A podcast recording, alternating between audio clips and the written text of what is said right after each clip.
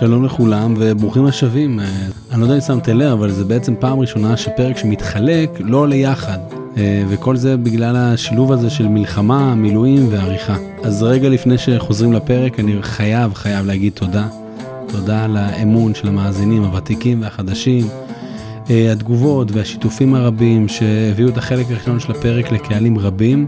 שתבינו שהשבועיים הראשונים של כל פרק הם, נקרא לזה המדד שלי, לדעת איך היה הפרק, למרות שכמובן יש אחרי זה עוד האזנות והכל. אז בשבועיים הראשונים של החלק א', אה, הפרק הגיע לטופ שלוש בתולדות אה, אוסקוט, מה שמוכיח שהקהילה אכן גדלה, אז ממש ממש תודה על כל באמת השיתופים והתגובות, ותמשיכו ותדרגו, וברוך השם עברנו אפילו את רף 126 אלף האזנות סך הכל, אז שוב תודה על הפרגון על תוכן הפרקים ושיפור השם בעונות החדשות. וכמו שאמרתי, אחד העיכובים הוא באמת עריכה, ואני לגמרי פתוח לעצות אה, לייעול אה, השלב הזה של העריכה. ואחרי שבחלק א' אה, עם דוקטור אפרים ברק, שאני אזכיר שדוקטור ברק הוא מזרחן, דוקטור להיסטוריה של המזרח התיכון בעת החדשה, ומומחה לפונדמנטליזם אסלאמי, ובחלק הזה שוחחנו על החלק ההיסטורי להקמת האחים המוסלמים, בעיקר בתקופת המייסד חסן אל-בנה. בחלק זה, החלק השני מתוך שלושה חלקים, אנחנו ניגע באידיאולוגיה של האחים המוסלמים, השורשים שלה, כמו מהו האסלאם הסלאפי, ומה ההבדל בינו לבין האסלאם האורתודוקסי, המיינסטרים, מתוך כך נשליך על אירועי השבעה באוקטובר, וגם על דמות מרתקת שתשפיע מאוד מאוד על הג'יהאד העולמי בשם סייד קוטב, אך חשוב שניגע קודם בכמה מושגי יסוד. ועכשיו נחזור לאפרים, מהי בעצם סונה? בעצם התורה שבעל פה אה, באסלאם האורתודוקסי. אה, سنة النبي זה המנהג של הנביא. סונה זה נוהג, מנהג. כן. ככה נקראת התורה שבעל פה, אוקיי? כל מוסלמי שמאמין ופועל על פי הסונה הוא מוסלמי סוני. הגיוני. וכאן אנחנו הגדרנו את הסונים. אנחנו לא נדבר, לא נדבר עכשיו על השיעים, שזה סיפור אחר, mm-hmm. וייקח אותנו למחוזות אחרים. זה פרק אחר, אולי עם אדם אחר, כן. סוני הוא מי שפועל על פי סונת נבי. בסונת נבי אה, יש מושג שנקרא אוסול אל-פקח, שזה שורשי ההלכה. ועל מה בעצם שורשי ההלכה המוסלמית האורתודוקסית מבוססים? שורשי ההלכה ארבעה הם. השורש הראשון הוא הקוראן, כמו שברור לנו לחלוטין. השורש השני הוא אה, חדיס, המסורת. השורש השלישי, איג'מע, הסכמה, והשורש הרביעי הוא קייס, היקש. הקייס אומנם היקש, אבל זה לא בדיוק ההיקש כמו אצלנו אצל היהודים, זה יותר דומה לגזירה שווה. Mm-hmm. כלומר, אם במקרה כזה ההלכה היא ככה, אז גם במקרה כזה ההלכה יכולה להיות ככה. יפה. אז אה, זה מוביל אותנו לשאלה, מה זה חדית'? סיפור או מסורת המביאים אמרה של הנביא, עדות על מעשה שהוא עשה, או שתיקה שלו לנוכח מעשי אחרים. החדיס כולל שלשלת מוסרים, שנקראת איסנד, ותוכן, המתן. החדיס הוא הכלי הספרותי הצורני שתכניו הם הדרך או המנהג של הנביא, סונת הנבי, או במילים אחרות התורה שבעל פה באסלאם. זאת אומרת, על החדיס, על המסורות האלה, שבעצם אה, מספרות לי על הנביא, על מה הוא עשה במקרים מסוימים, אני יכול ללמוד מזה הלכה. אוקיי? נניח שיש לי שאלה הלכתית היום. אם למשל שאני הולך לאכול, הנה אני צריך לטהר את ידיי, לרחוץ את ידיי, ליטול את ידיי, mm-hmm. ואז נניח שאני מוצא מסורת שמספרת לי שהנביא מוחמד לפני שהלך לאכול, רחץ את ידיו. אז הנה למדתי הלכה, אני יודע שזאת חובה. אם הנביא עשה את זה, זאת חובה. מה, מה בעצם האינטראקציה בין הביטוי חדית' והביטוי סונה? מה שייך למה? תראה, החדית' תרגום שלו לעברית זה סיפור. Mm-hmm. זה סיפור על מוחמד או על אחד מהחברים שלו שעושים משהו ואני לומד מזה. עכשיו, תבין, אמרתי, ציינתי את זה קודם. החדיס הוא אחד מארבעת שורשי ההלכה, מארבעת אוסול אל-פיק. על כל ארבעת שורשי ההלכה האלה אני מבסס את ההלכה המוסלמית. אוקיי? אתה צריך להבין שעם מותו של מוחמד, אוקיי? במאה השביעית נשארו אחריו, אפילו אה, קוראן לא נשאר. אתה יודע שהקוראן קובץ שנים כן. אחריו בתקופתו של עות'מאן. Mm-hmm. הוא נאסף מכל מיני מקומות וקיבצו אותו כאשר לא תמיד ברור מה, אה, איזה, איזה פרק בקוראן, איזה פרשייה בקוראן נאמרה קודם ואיזה אחר כך, אבל אה, יותר מזה, גם אחרי שאתה כבר קורא את הקוראן, יש לך את הקוראן וקורא אותו, אתה לא מוצא בו תשובות להרבה מאוד שאלות הלכתיות. יש בקוראן הרבה מאוד קריאות לעשות את הטוב, והרבה מאוד קריאות, כן, להאמין באללה ולעזור לחלש וכן הלאה. אבל מצוות אה, מעשיות, מדויקות ומוגדרות היטב, אה, לא נמצאות שם. המוסלמים אחרי מותו של מוחמד נתקלו בשאלות הלכתיות רבות מאוד במהלך הכיבושים שלהם, והם היו צריכים לקבוע לעצמם קריטריונים לקביעת הלכה. כן. אוקיי? אז אחד הקריטריונים היה החדיס, התחילו לאסוף מסורות שסיפרו מה מוחמד עשה, כדי ללמוד מהם. והמסורות האלה, החדיס האלה, הפכו לבסיס ללימוד הלכה, אחד מארבעת שורשי ההלכה של האסלאם. אני רוצה להקדים ולומר שהחדיס יש לו מעמד של תורה משמיים. Mm-hmm. זאת אומרת, כמו הקוראן. כי הנביא עשה את זה, הנביא אמר את זה, זאת אומרת, מה שהנביא אמר זה יש לו תוקף שמימי. כן. זאת אומרת שנכון שזה כבר הרובד הראשון של התורה שבעל פה, אבל מבחינת התוקף והחוזק שלו, אנחנו מדברים פה על uh, משהו שזה זה לא תורה שבעל פה, זה תורה שבכתב. כן. אוקיי? אז דיברנו על אה, קוראן, על חדית', מה זה איג'מה?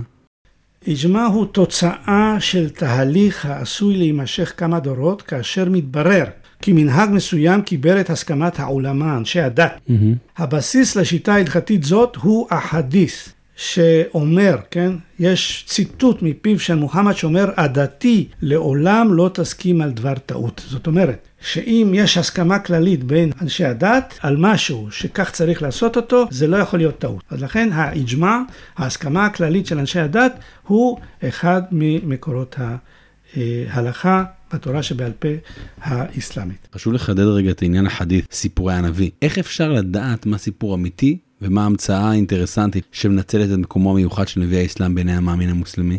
החדית', כמו שכבר אה, ציינו, הוא בעצם סיפור על מה שמוחמד אמר, או מה שמוחמד עשה, או מה שאחד מחבריו עשה. מהר מאוד הבינו המוסלמים שאיסוף מסורות כאלה הוא אה, ללא ביקורת, הוא פשוט אה, לא הגיוני. מכיוון כן. שכל אחד יכול להמציא משהו, ושיאמת בעצם את תורתו, כן, יש ויכוח בין שני אנשי דת, אז כל אחד יכול להמציא איזה שהוא סיפור, וכל אחד יכול להוכיח, במרכאות, את, כמובן. במרכאות, את מה שהוא אומר. ולכן התפתח מדע שנקרא עילם אל-חדיס, מדע החדיס, שבחן את אמיתות החדיסים האלה. אני לא אכנס עכשיו לטכניקה, איך עשו את זה. לא, לא, אין צורך. יש טכניקה מעניינת. בכל מקרה, החדיסים סווגו, אה, החדיס מהימן, חדיס טוב שהוא פחות ממהימן, אה, חדיס חלש. דוי. ויש גם מרדו מזויף. זאת אומרת, חדיס שניכר מתוכו שהוא מזויף, והוא כמובן לא עושים בו שימוש בכלל. כן. אחרי שהדברים האלה נבדקו וקובצו יחדיו, במאות השמינית והתשיעית, קובצו קובצי חדיס. כאשר שני הקבצים הנכונים ביותר, הטובים ביותר, הם הקבצים של אה, מוחמד אל-בוכרי, אה, שמת ב-870, ומוסלם בן אל-חג'אג', שמת בשנת 875. ובכן, mm-hmm. שני הקבצים האלה שנקראים אל-סחיחן הנכונים, נחשבים אה, לעידית שבעידית מבחינת מסורות. כן. אתה יכול להתבסס על כל מה שכתוב שם כמסורות אמיתיות. יש עוד כמה קבצים חשובים ונכונים, אבל אלה הנחשבים, הסחיחן אה, הנכונים ביותר. ובכן, אחרי שקיבצת, ואני שוב אומר, מאות השמינית התשיעית כבר החדיסים קובצו, המסורות קובצו, אתה יכול עכשיו להפיק מתוך המסורות האלה את ההלכה. ואז אנחנו אה, מגיעים לקובצי ההלכה או אסכולות ההלכה המוסלמיות. זאת אומרת, אחרי שיש לך חדיסים, אתה עושה את השולחן ערוך שלך, כן? כן. כמו שאצלנו. אנחנו מכירים אצל היהודים שולחן ערוך שהוא בעצם מחולק לשניים בתוכו. כן. יש שם את, ה, את המרן, הבית יוסף, שהוא בעצם, אה, אה, ההולכים על פיו הספרדים, בדרך כלל, mm-hmm. אני שוב אומר דברים שטחיים, אבל... Mm-hmm. ככותרת. ויש את הרמה שהוא בעצם... הפוסק האשכנזי. הפוסק האשכנזי. אבל יש לנו, בתוך אותו שולחן ערוך יש לנו שני שולחנות ערוכים בעצם, שיש ביניהם, ההבדלים אולי לא דרמטיים, אבל יש ביניהם כל מיני, בכל מיני מנהגים, כל מיני הלכות, יש, אה, יש הבדלים. ומה קורה באסלאם? אותו דבר קורה אצל המוסלמים, אבל אצל המוסלמים יש ארבעה שולחנות ערוכים, מזהב, אסכולות הלכה, אה, שהם נפרדים לחלוטין. יש את האסכולה החנפית, שמי שכתב אותה היא, הוא אבו חניפה, אה, מן המאה השמינית.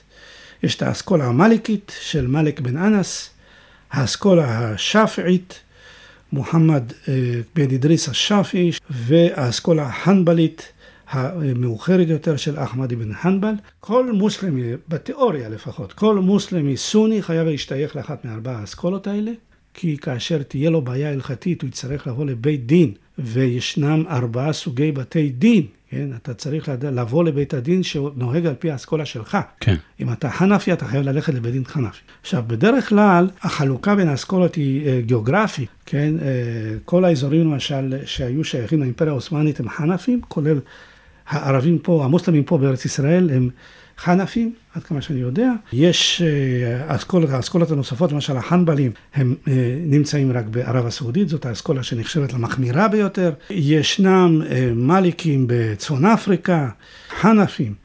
בכל מדינות הסטנים של ברית המועצות לשעבר, כן? Mm-hmm. קזחסטן, אוזבקיסטן, טורקמניסטן, אלה חנפים. השאפים נמצאים בקרן אפריקה, בסומליה למשל. באינדונזיה, במלזיה אה, וכן הלאה. כמו שאמרנו, חנבלים בערב הסעודית. טוב, אם כן, בדרך כלל אין בעיה כאשר אתה אה, חנפי, מכיוון שכל סביבתך היא חנפית. כל המוסלמים שגרים סביבך הם חנפים, וכן, כמו, חוץ מאשר במצרים, יש שם אה, מגוון רחב של אסכולות, אבל בדרך כלל האסכולות הן, הן אותן אסכולות באותה מדינה, ולכן כל מוסלמי יודע לאן הוא שייך. אז כל האסכולות האלה זה מה שנקרא האסלאם האורתודוקסי, המיינסטרים. איפה נכנס פה האסלאם הסלאפי? אנחנו יודעים שהאחים המוסלמים שייכים לסלאפיה, זאת מכיוון שחסן בנה אמר את זה בעצמו, בכמה מקומות באגרות שלו. אנחנו יודעים גם שהוא היה מקורב לרשיד רידה, שאני עוד מעט אדבר עליו, שהוא בעצם היוצר של הסלאפיה במאה ה-20 בעידן המודרני. אנחנו יודעים שתקופה מסוימת הוא אפילו אה, ניסה להוציא מחדש לאור את עיתונו של רשיד רידה, אני אדבר על זה עוד מעט. סלאפיה, מה זה סלאפיה? קודם כל, אני אציין שסלאפיה היא בעצם תוצאת הגותו של אדם בשם אה, מוחמד רשיד רידה, שהוא mm-hmm. במוצאו לבנוני. הוא הגיע למצרים בשנת 1900. כי הוא בא אחרי מורו הדגול, מוחמד עבדו. ומוחמד עבדו הוא? מוחמד עבדו היה אחד הרפורמיסטים המוסלמים הגדולים ביותר של המאה ה-19. הוא אה, קרא להכניס, לרענן את האסלאם, ובסוף המאה ה-19, עד 1905, הוא היה המופתי הראשי של מצרים. זאת אומרת, מדובר פה בדמות אה, דתית מרכזית מאוד בעולם האסלאם, אה, יחד עם זאת רפורמיסט, שקרא להכניס רפורמה בתוך האסלאם. שזה אותו רפורמה שהזכרנו קודם על ניעור האבק והשפעות הזרות? ניעור האבק, כן. אני לא... לא אכנס עכשיו לדרישות שלו, של אה, מוחמד עבדו, אבל בסך הכל הוא מוכר, יחד עם ידידו ומורו אה, ג'מאל א-דין אל-אפגני, הוא מוכר כאחד הרפורמיסטים הראשונים באסלאם. Mm-hmm. מי שראה את עצמו כתלמידו של מוחמד עבדו היה מוחמד רשיד רדה, שייסד אה, זמן קצר אחרי שהוא הגיע למצרים עיתון שנקרא אלמנר המגדלור. העיתון הזה התקיים עד 1935 כאשר רדה מת. Mm-hmm. בעיתון הזה הוא בעצם אה, פירט את עקרונות תורתו הסלאפית. כן? ואנחנו רואים אותו כי למרות שאתה, כשאתה תלך היום לסלאפי ואתה תשאל אותו מה זה סלאפיה ולמה אתה סלאפי, הוא יגיד לך שסלאפיה זה המצאה ישנה מאוד, שהתחילה עוד אצל uh, חכם הדת אבן תימיה, כן. אי שם בימי הביניים, ואני אומר לך שהאמת היא שזה לא כך. הסלאפיה בעצם היא uh, תוצאת הגותו של מוחמד רשיד רידה במאה ה-20. טוב, אז כל זה מוביל אותנו לחידוד החשוב הזה, מהי סלאפיה? מקור המושג סלאפיה במילה סלאף שפירושה אבות קדומים. Mm-hmm. הסלאפים מתיימרים להבין את האסלאם על פי דרך האבות, תוך התעלמות מהתפתחויות פרשניות והלכתיות מאוחרות, שלדעתם סילפו את תורתו הנכונה של הנביא מוחמד. זאת אומרת, יש באסלאם האורתודוקסי הרבה מאוד התפתחויות הלכתיות, כולל ארבע האסכולות שרק לפני כמה דקות דיברנו עליהן, כן, כן. שרידה אומר, מיותר, מיותר, זה קשקוש מקושקש, מי צריך את זה? מי צריך את זה? די לנו בתורת האבות, תורת, כשהוא אומר תורת האבות, הוא מתכוון לקוראן ולחדיס. מהמם. כן, מכיוון שהקוראן והחדיס יש להם מעמד אלוהי, נכון. זה בא דרך הנביא מוחמד ישירות מהאלוהים, זה מספיק לנו לקבוע הלכה. אני לא צריך את כל ההמצאות האחרות, את כל הספרים האלה שנכתבו במשך מאות שנים, זה מיותר. זה רק גורם לפלגנות. פתאום יש לי ארבע אסכולות. למה ארבע אסכולות? אנחנו המוסלמים כולנו אחים אנחנו. יש ספר קדוש אחד. יש ספר קדוש אחד, הנה, כמו שתאמר אצל היהודים, ספרדים, אשכנזים, למה הפילוג הזה? למה? אנחנו דת אחת, אנחנו הלכה אחת, וכן הלאה. זאת, זאת הטענה של הסלפים. מהמם. עכשיו, הטענה הזאת אמורה לרענן את האסלאם בתפיסה שלהם. כי ברגע שאתה מסיר את הפלגנות, אתה מסיר את כל התוספות המאוחרות המיותרות האלה, אתה מגיע לאסלאם השורשי, המקורי, אתה בעצם אה, מגיע לאסלאם הנכון. כן. מה שמוחמד אמר והאבות שלנו אמרו, זה מה שנכון. כל ההתפתחויות המאוחרות זה סתם המצאות. כלומר, בעצם כל השלב באמצע קלקל את האסלאם. כן, יפה. נשמע בסדר, לא? נשמע מצוין. בסדר לגמרי. לדעת הסלפים יכולה ההבנה שלהם שעוצבה בתקופת השפל של האסלאם הפוליטי, להחזיר לדתם את הרעננות הראשונית שלה ולאפשר לחברה המוסלמית להסתגל לעידן המודרני. מהמם. בסדר גמור, לא? משמעות תפיסה זו היא שהסלפים שוללים את התורה שבעל פה ודורשים להסתמך בפסיקה על הקוראן והחדיס. סיפורים על מעשה הנביא בלבד. כלומר, אני גם לוקח קצת ממה שדיברנו בשיחה המקדימה שלנו, בעצם חותכים את כל התהליך שעובר את ההלכה המוסלמית לאורך איזה אלף שנים. כן? אין תורה שבעל. ברמות כזה- כאלה ואחרות. כלומר, הוא, הוא יכול, אם הוא רוצה לקחת משהו מתוך התורה שבעל פה שמתאים לו. אבל בעיקרון הוא לא צריך את זה. הוא לא צריך את זה כי יש לו קוראן, יש לו חדיס, מספיק לי. אני רק אומר שזה מאוד מאוד נשמע כמו הקראים שמייתרים את התורה שבעל פה ומנסים להבין את התורה על פי הפשט. אה, זאת הטענה שלהם, זה פחות או יותר אותה טענה. ואני אומר, תשימי לב מה קורה פה. אתה ביטלת את התורה שבעל פה. התורה שבעל פה, אני טוען, כן? זאת טענה שלי. אני אפרים או אני חסן אל-בנה? אני, אני אפרים, אוקיי. כן? אף אחד לא טען את זה לפניי, אני אומר את זה, ואני חושב שאני צודק. מהמם. התורה שבעל פה היא המנגנון שמאפשר לדת להתחדש ולהתאים את עצמה לשינויים מעת לעת. יפה, מעניין. אין לך את המנגנון הזה שמאפשר לך להתחדש, אתה לא יכול להתחדש. אתה נשאר תקוע שם בעבר. ועל רקע זה נוצרות אה, מחלוקות הלכתיות בנוגע לשאלות היסוד של הדת. בואו נעזוב עכשיו את היהודים. אוקיי. אנחנו דומים למוסלמים במובן זה שיש לנו תורה שבעל פה, ולכן תפקידה של התורה שבעל פה גם אצלנו בערך כמו תפקידה של התורה שבעל פה באסלאם. וזה מוביל אותנו לשאלה בסיסית ומשמעותית. מהו הג'יהאד על פי האסלאם הסלאפי?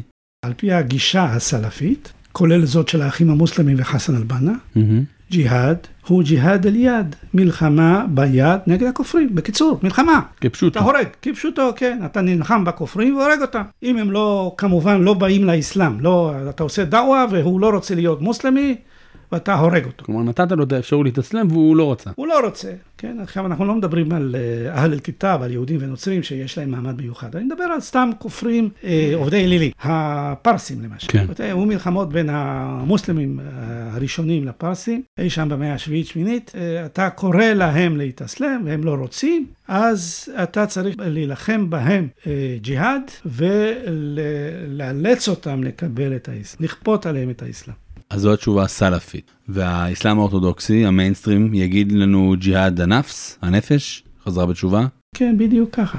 ג'יהאד אל-נפס זה המלחמה שיש לך ביצר שלך. מי צודק? אם אתה בוחן את הקוראן ואת החדיס, אז מי צודק? כמובן שהסלפים. כמובן שהסלפים.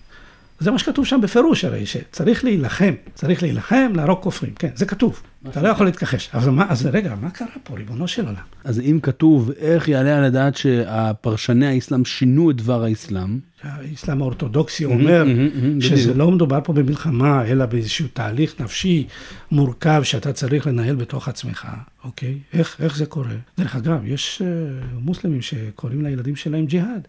לא. תמיד מתוך כוונה להדביק להם את המלחמה הזאת, מלחמת הקודש של הרוב. לא, ג'יהאד זה כמו שאמרנו כבר, מלחמה ביצר, זה יכול להיות תהליך מאוד חיובי שהבן אדם עושה, שהתוצאה שלו יכולה להיות לפעמים חזרה בתשובה. אז מה קרה? למה האסלאם האורתודוקסי אומר שהג'יהאד הוא ג'יהאד אל-נפס?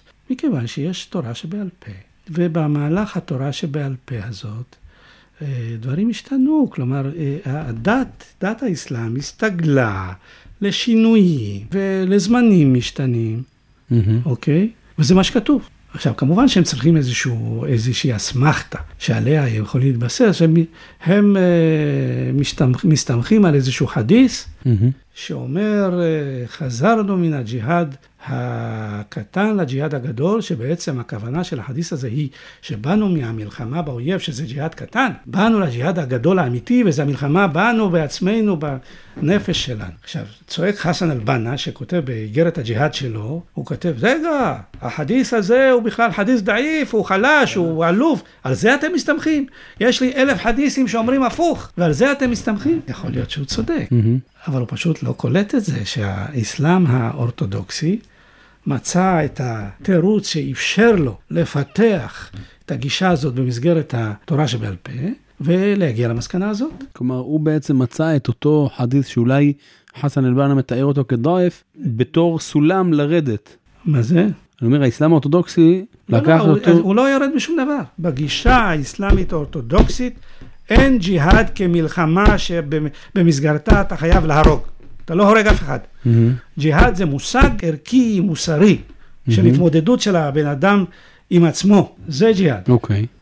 אתה מבין מה קורה פה? איך יצרנו פתאום מחלוקת אדירה בין האסלאם האורתודוקסי לאסלאם הסלאפי? Mm-hmm. שהאסלאם הסלאפי בא ליצור לנו אסלאם מודרני ורענן וחדש, ובעצם מה שהוא אה, עושה, זה הוא נשאר תקוע שם במאה השביעית עם האסלאם מלחמה, עם אלימות, mm-hmm. בעוד שהאסלאם האורתודוקסי הוא הופך להיות דת מודרנית, שאפשר בהחלט לחיות איתה. כלומר, לעשות הפרדה. התייחסות חד-ערכית לכל מוסלמי באשר הוא מוסלמי, היא טעות. אתה תמיד צריך לזהות מי עומד מולך. אם עומד מולך סלאפי שמאמין בג'יהאד האלים, זה דבר אחד. אם עומד מולך מוסלמי אוקיי? מוסלמי מאמין, דתי, אורתודוקסי, אין לך שום סיבה לפקפק בגישה שלו וברצון שלו אה, לשלום או לדו-שיח או למשא ומתן. ולכן זאת טעות להתייחס לכל המוסלמים כאילו שזה דבר אחד. כן, ואני עדיין לא, לא דיברתי על כל הזרמים ועל כל הקבוצות. כן. כן, לא דיברתי על המיסטיקה, על הסופים וכן הלאה וכן הלאה. יש כל מיני מוסלמים חברים, נא לא להתייחס לכל אחד באותה, באותה צורה. אז אחרי הפרדה כזאת, מה הם בעצם המרכיבים האידיאולוגיים של uh, תורת האחים המוסלמים?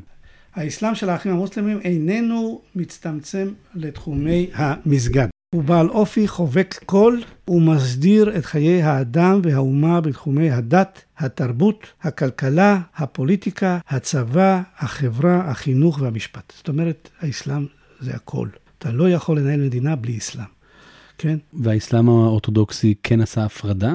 אתה יכול להיות מוסלמי אורתודוקסי מאוד נחמד, כן? קוראים לך מוחמד, mm-hmm. ואתה הולך אפילו להתפלל אה, כשצריך להתפלל. אתה מתפלל, הנה, אני רואה פה מוסלמים אצלי באזור שבאים לעבוד פה בבניין או כל מיני זה, שפורסים שטיח חמש פעמים ביום וקוראים שם ומתפללים, אוקיי? Mm-hmm. הם דתיים. כן. מבחינת האסלאם האורתודוקסי הם דתיים. כן. האסלאם הסלאפי יגיד לך, לא, לא. למה הם לא דתיים? כי הם לא מנהלים את החיים שלהם על פי הדת. כי אתה רוצה להיות מוסלמי דתי, אתה הכל צריך להיות דתי אצלך. החינוך של הילדים שלך, והמשפט שאתה הולך אליו, mm-hmm. אוקיי? הפוליטיקה שאתה מנהל במדינה צריכה להיות על פי אמות מידה אה, מוסלמיות. הצבא שלך צריך להיות צבא מוסלמי, שנלחם למען מטרות מוסלמיות. מה זאת כן. אומרת? הכל זה מוסלמי. מה זה, החליפה אה, הרון א-רשיד, אה, כל חייו היו אסלאם, mm-hmm. כן? כל חייו היו אסלאם, ולכן זה לא מספיק שאתה יושב שם במסגד, או אפילו קורא קוראן, או קורא, או מתפלל, או mm-hmm. וכן הלאה וכן הלאה. או אפילו למדת באל-אזהר ואתה מסמיכים אותך, אתה עלם, אתה איש דת. לא, זה לא מספיק. אוקיי, בואו נחזור לאחים המוסלמים, שכאמור קמה מצרים. מה היחס שלהם לכובש הבריטי ובכלל למערב? האחים המוסלמים תופסים את האירופים ותרבותם כמי שמנסים למחוק את המורשת האסלאמית. השאיפה למגר את הקולוניאליזם הפיזי והתרבותי היא ההופכת את שנאת המערב למרכיב מובנה בתורתם. ובכן, בתורתם של האחים המוסלמים ישנו מרכיב אנטי-מערבי. כשאני מדבר על מרכיב אנטי-מערבי, זה כמובן כולל את ישראל. את כן. היהודים. אנחנו כן. חלק מהמערב, לטוב ולרע. אה, לא רק אנחנו, גם הקומוניסטים למשל, כל- אלה שפעם אה, דיברו עליהם כמזרח או כשמאל או כזה, לא, לא, זה, הכ- הכל זה מערב. כולנו אנטי-מוסלמים, כולנו רוצים למחוק את האסלאם, ולכן אה, צריך להילחם בכולם. האחים המוסלמים אינם רוצים להנהיג אלא לכפות את, על המשטרים המובילים את, העול- את עולם האסלאם, את אימוץ ערכי המורשת ואת שיטות הממשל האסלאמי, בדרך של ייעוץ והדרכה. אז הם בעצם לא רוצים להיות מנהיגי המדינה, אלא לעמוד ליד המנהיג? הם רוצים להנחות את המנהיג. אם המנהיג אה, ינהל את המדינה על פי קריטריונים של האסלאם, אין להם בעיה עם זה. הם לא בהכרח אה, אה, חייבים אה, לתפוס את השלטון. מהמם. חשוב להזכיר שמבחינתם, מנהיג שטועה ולא מנהל את המדינה על פי חוקי האסלאם, לא צריך להרוג אותו. להדיח אותו. יבוא במקומו מישהו אחר שיעשה את זה נכון. טוב, זאת לעומת הג'יהאדיסטים, שבטח עוד נדבר עליהם. האחים המוסלמים אה, בתוך שני הזרמים האלה, בתוך הסלאפיה, הם ה- ה- הפחות אלימים. מהמם. הם הפחות אלימים. הם אה, לא תמיד יגידו לך ש, שיש צורך באלימות, מהמם. לא תמיד צריך להרוג. אפשר אה, פשוט להסביר למנהיגים ולמוסלמים את הדרך הנכונה.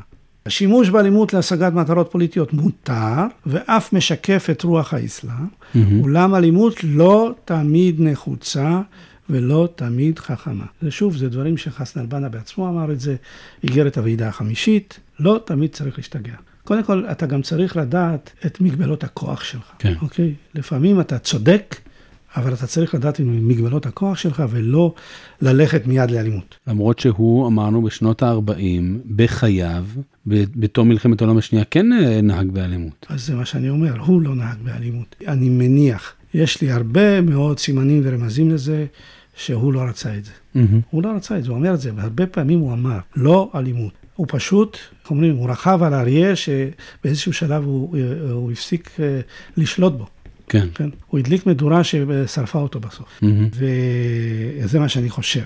אבל אה, אה, צריך להבין את, ה, את ההשקפה שלו על אלימות, אוקיי?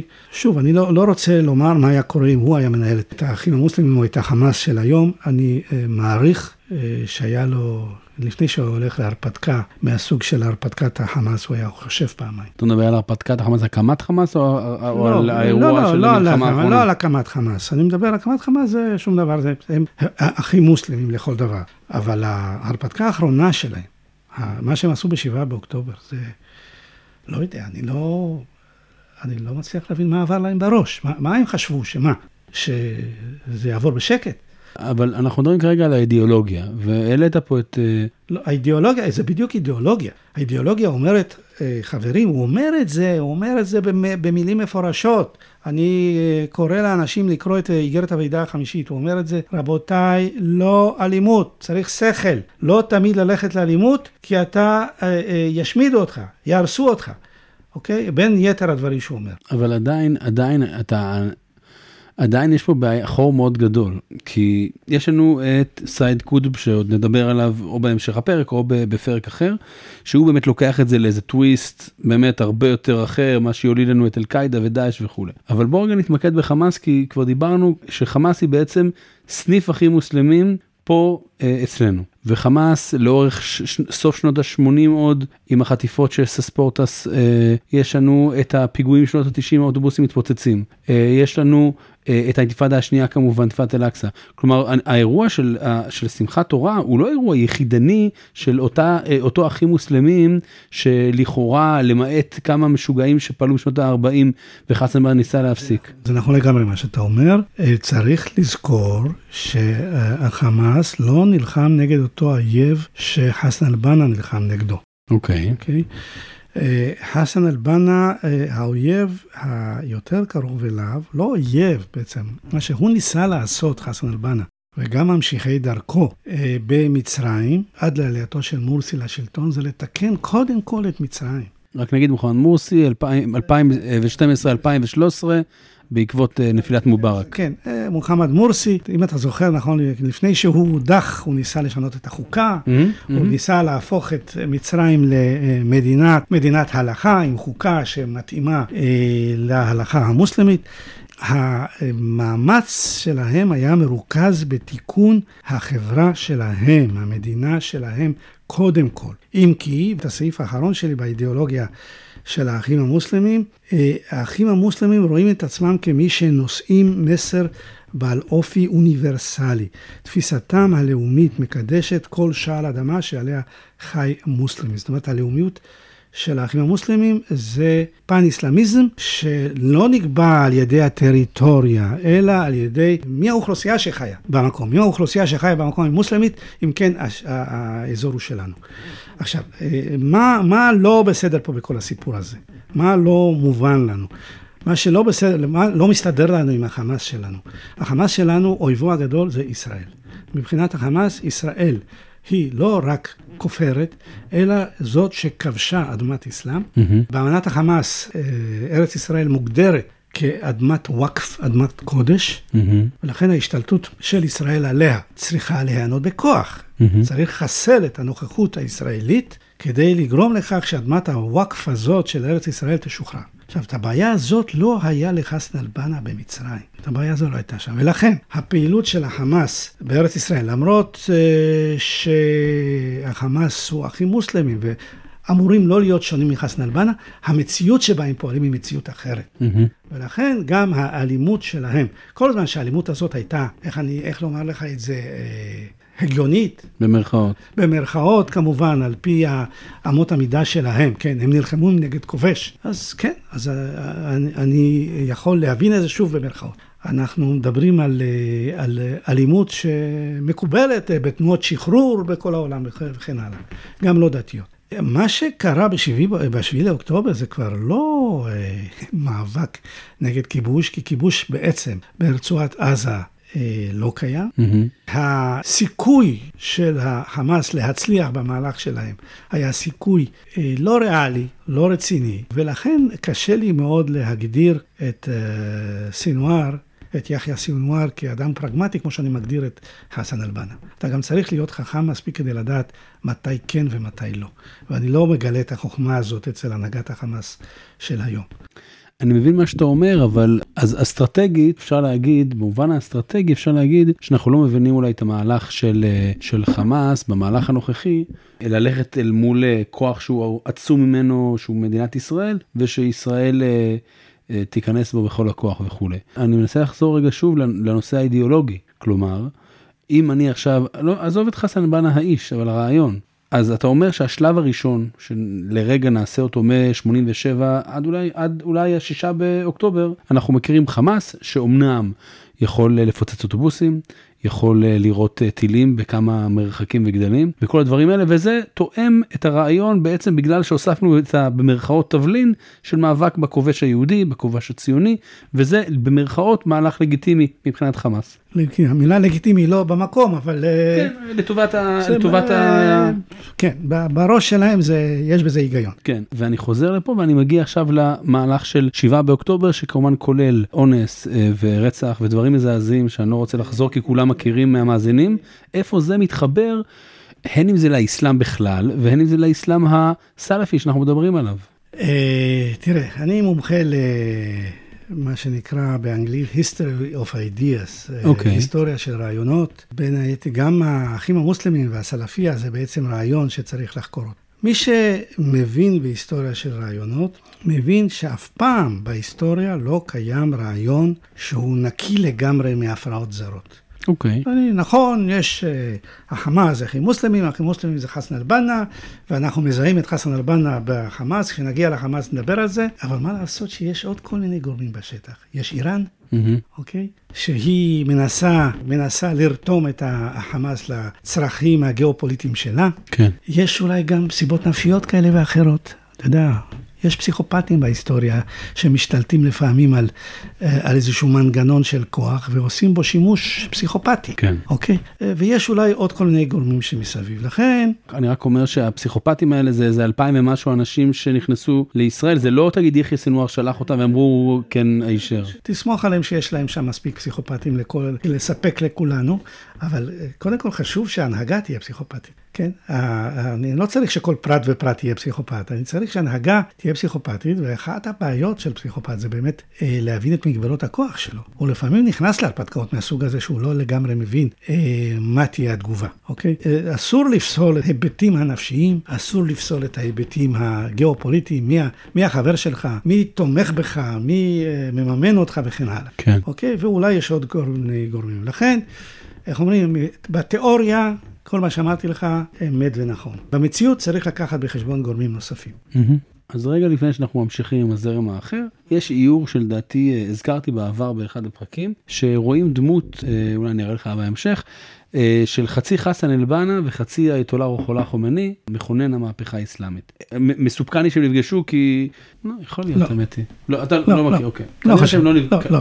כנראה שהשניים לא נפגשו, אבל האם באמת, האיור הזה גרם לי מחשבות, האם באמת האייתולה חומני, השיעי, או תלמידיו, מתייחסים, מזכירים את תורתו של חסן אל-בנה הסוני?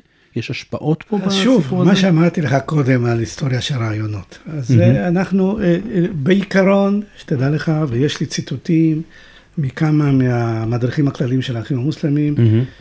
האחים המוסלמים, הסלאפים, בדיוק כמו האסלאם האורתודוקסי, שונאים את השיעים. אוקיי. זה, זה, אנחנו מכירים את זה בהיסטוריה. אלא מה, נכנסים פה כל מיני גורמים מהצד, כן. אוקיי? אתה מכיר את האמרה של האויב של אויבי הוא ידידי, כמובן. כן? אז אה, הנה, בבקשה. יש מישהו שמוכן לממן אותך, מוכן כן. לאמן אותך, להעביר לך נשק, לעזור לך, אז הנה, אתה, אתה הולך אליו, כי אין לך... אבל ברירה. אידיאולוגית אתה לא מכיר. אה, אידיאולוגית, לא. אני אה, פוסל כל שיתוף פעולה אידיאולוגי בין שיעים לבין סלאפים. מהמם. זה לא קיים. אני אה, רק רוצה להזכיר לך, במלחמה נגד דאעש, כן? זה לא כל כך מזמן קרה. כל העולם נלחם נגדו. אנחנו כן. יודעים שהרוסים נלחמו נגדו, והאמריקאים נלחמו נגדו, והכורדים, אבל אה, מי שנלחם נגדו בזעם הכי גדול זה היה כוחות איראנים וכוחות הפרוקסי שלהם, החיזבאללה וכוחות אחרים, מיליציות עיראקיות אה, שיעיות. כן, הייתה שם מלחמה חריפה מאוד בין, לא היה שם שום שיתוף פעולה, אוקיי? כן. ולכן אני אומר, אידיאולוגית אה, אין שום קשר ואין שום חיבה בין הסלאפים לבין השיעים. מה שיש זה פשוט אינטרסים, אינטרסים צבאיים, כלכליים ואחרים. עכשיו, אנחנו מקליטים בט"ז, אולי כבר זה י"ז בעצם, אה, במר חשוון אה, של תשפ"ד, 31 באוקטובר 2021.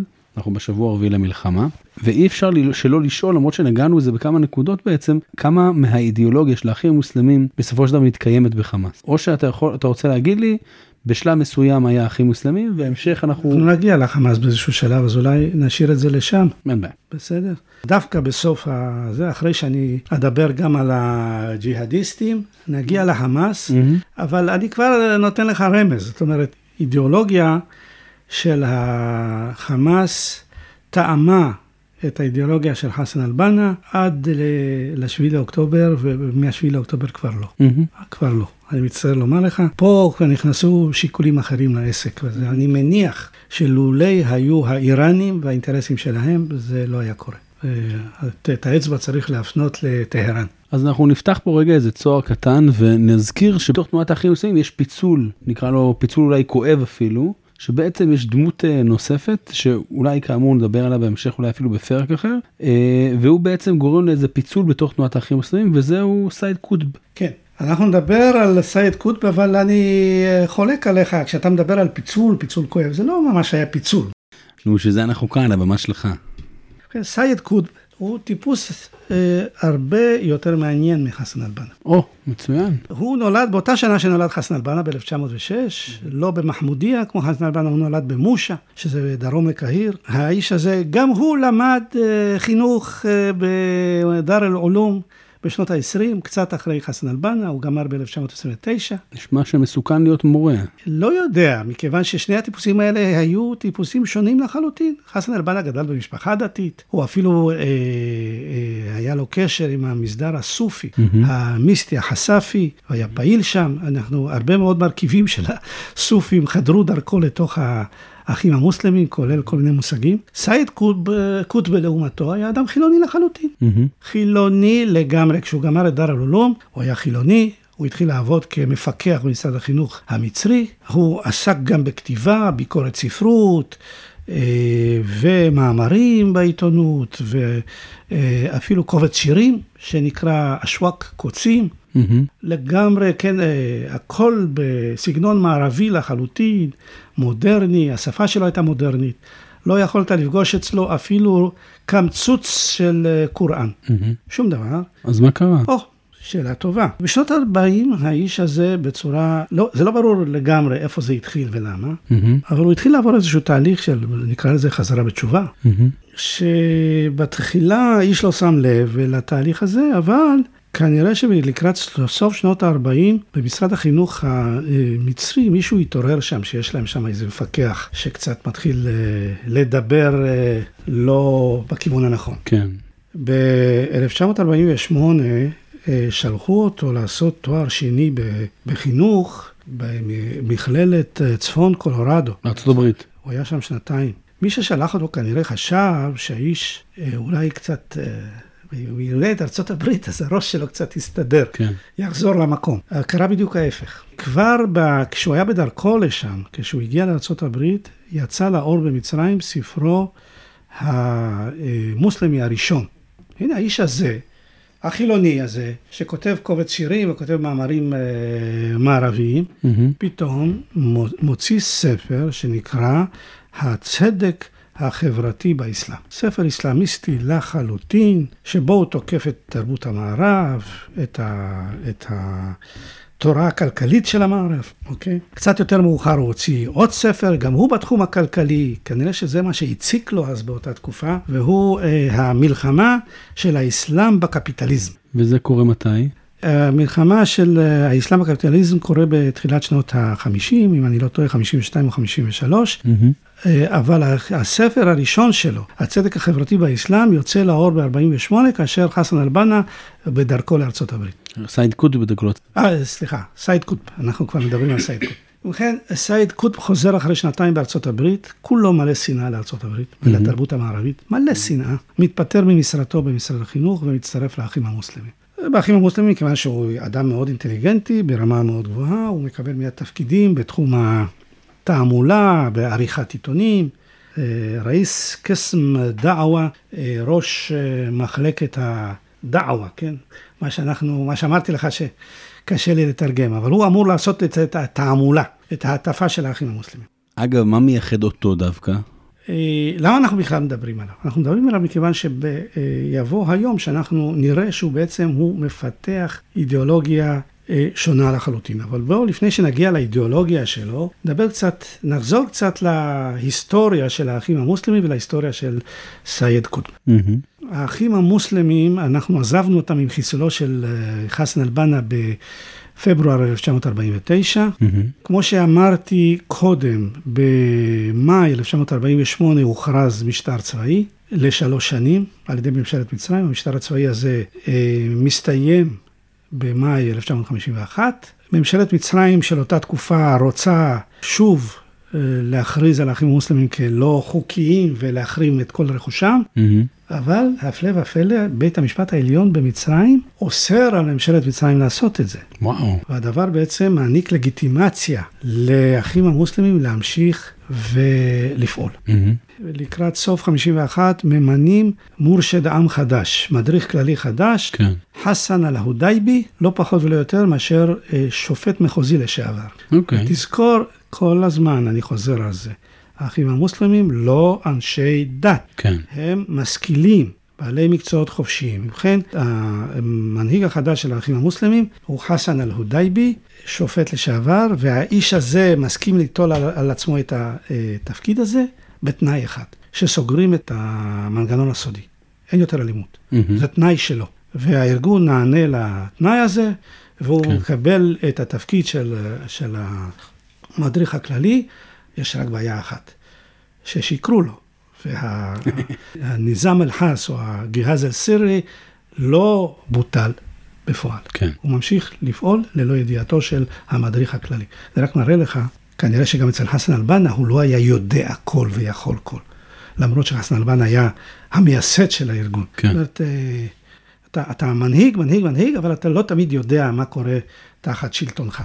יפה. אז האחים המוסלמים ממשיכים לפעול. מה קורה בעקבות אירוע דרמטי כמו הדחת המלך במהפכת הקצינים החופשיים של ה-23 ביולי 1952? ומסתבר שהאחים המוסלמים הם גם כן חלק מתוך המהפכה הזאת, לפחות ככה הם מציגים את עצמם. יש להם יחסים טובים עם הקצינים החופשיים, שבראשם אה, עמד אה, באותה תקופה מוחמד נגיב, אה, היו שם מאבקי כוח בקרבם. סייד קוטב אפילו משתתף בכמה ישיבות של הקצינים החופשיים כנציג האחים המוסלמים. בינואר 1953, כאשר הקצינים החופשיים מבטלים או סוגרים את כל המפלגות הפוליטיות במצרים, המפלגה או הגוף היחידי שנשאר בשטח זה האחים המוסלמים. היחסים שלהם עם הקצינים החופשיים הם כל כך טובים, שהם ממשיכים אה, אה, לתת להם לפעול, אבל ירח הדבש הזה נגמר בינואר 1954. מה קורה בינואר 1954? מהומות ומכות באוניברסיטת קהיר, בין הסטודנטים המזוהים עם האחים המוסלמים לבין הסטודנטים המזוהים עם הקצינים החופשיים, עם השלטון. ואחרי המהומות האלה, הקצינים החופשיים מחליטים להוציא את האחים המוסלמים שוב אל מחוץ לחוק, לנתק איתם כל קשר, האחים המוסלמים יורדים למחתרת. המשטרה לא ממש מחפשת אותם, אבל הם פשוט מנתקים מגע. עכשיו, צריך להדגיש שהמחלוקת הגדולה ביותר, למה התחילו מכות בכלל? כן. המחלוקת הגדולה הייתה אז סביב העניין של עזיבת הבריטים. Mm-hmm. הקצינים החופשיים אה, הביעו נכונות להגיע להסכם עם הבריטים, לעזיבת הבריטים את מצרים בתמורה לוויתור על סודאן. הרי אמרנו קודם שהמחלוקת הגדולה בין המצרים לבריטים הייתה למי שייכת סודאן. הבריטים התעקשו שסודאן היא מדינה עצמאית. Mm-hmm. על בסיס הזה, המצרים, הקצינים החופשיים היו מוכנים לקבל את זה, ולכן באוקטובר 1954 חתמו על הסכם עם הבריטים לוויתור על הסודאן. סודאן הפכה למדינה עצמאית. ב-1 בינואר 56, mm-hmm. והבריטים עזבו את מצרים בהדרגה, כמו שכבר אמרתי, החייל האחרון הבריטי עזב ב-56, ביוני 56. הדבר הזה לא מצא חן בעיני האחים המוסלמים, הם עמדו על כך, כן, הרי המגמה שלהם מגמה כלל אסלאמית, אחדותית. נכון. הם רוצים אחדות כלל אסלאמית, אז מה פתאום אתה מוותר על סודאן? זה עוד אה, פיצול בתוך המחנה המוסלמי. לכן האחים המוסלמים אה, מאוד התנגדו לזה, על רקע זה פרצה המחלוקת, ועל רקע זה, כמו שכבר אמרתי, האחים המוסלמים הוכרזו כארגון לא חוקי. השלב הבא היה שבאוקטובר 54, אחרי החתימה על ההסכם עם הבריטים, צץ פתאום אותו גיהאז סירי, שאנחנו חשבנו שהוא נעלם, וגם mm-hmm. הודייבי חשב שהוא נעלם, ומתבצע ניסיון חיסול של גמל עבדו נאסר, שהיה באותה תקופה ראש ממשלת מצרים. אוקיי? איש המנגנון הסודי מנסה לירות בו בזמן של הופעה פומבית שלו, הוא לא מצליח. כתוצאה מזה נפתחים שערי הגהינום כנגד האחים המוסלמים. שוב, אנחנו מדברים על פרגמטיזם, על אתה מבין מה אתה יכול, מה אתה לא יכול, אבל הנה, פה גם כן היה, הייתה טעות ושיקול דעת של מישהו בדרג הנמוך יותר, לא... לא של הודייבי. כן. ובכן, כל צמרת הארגון אה, נעצרת. כמובן, זה כבר לא מספיק שמוציאים אותם מחוץ לחוק. בדצמבר 54, תשעה ממנהיגי האחים המוסלמים מוצאים להורג. Mm-hmm. כל השאר נכנסים לכלא למאסר עולם עם עבודת פרך, שאתה יודע, אצל... ב...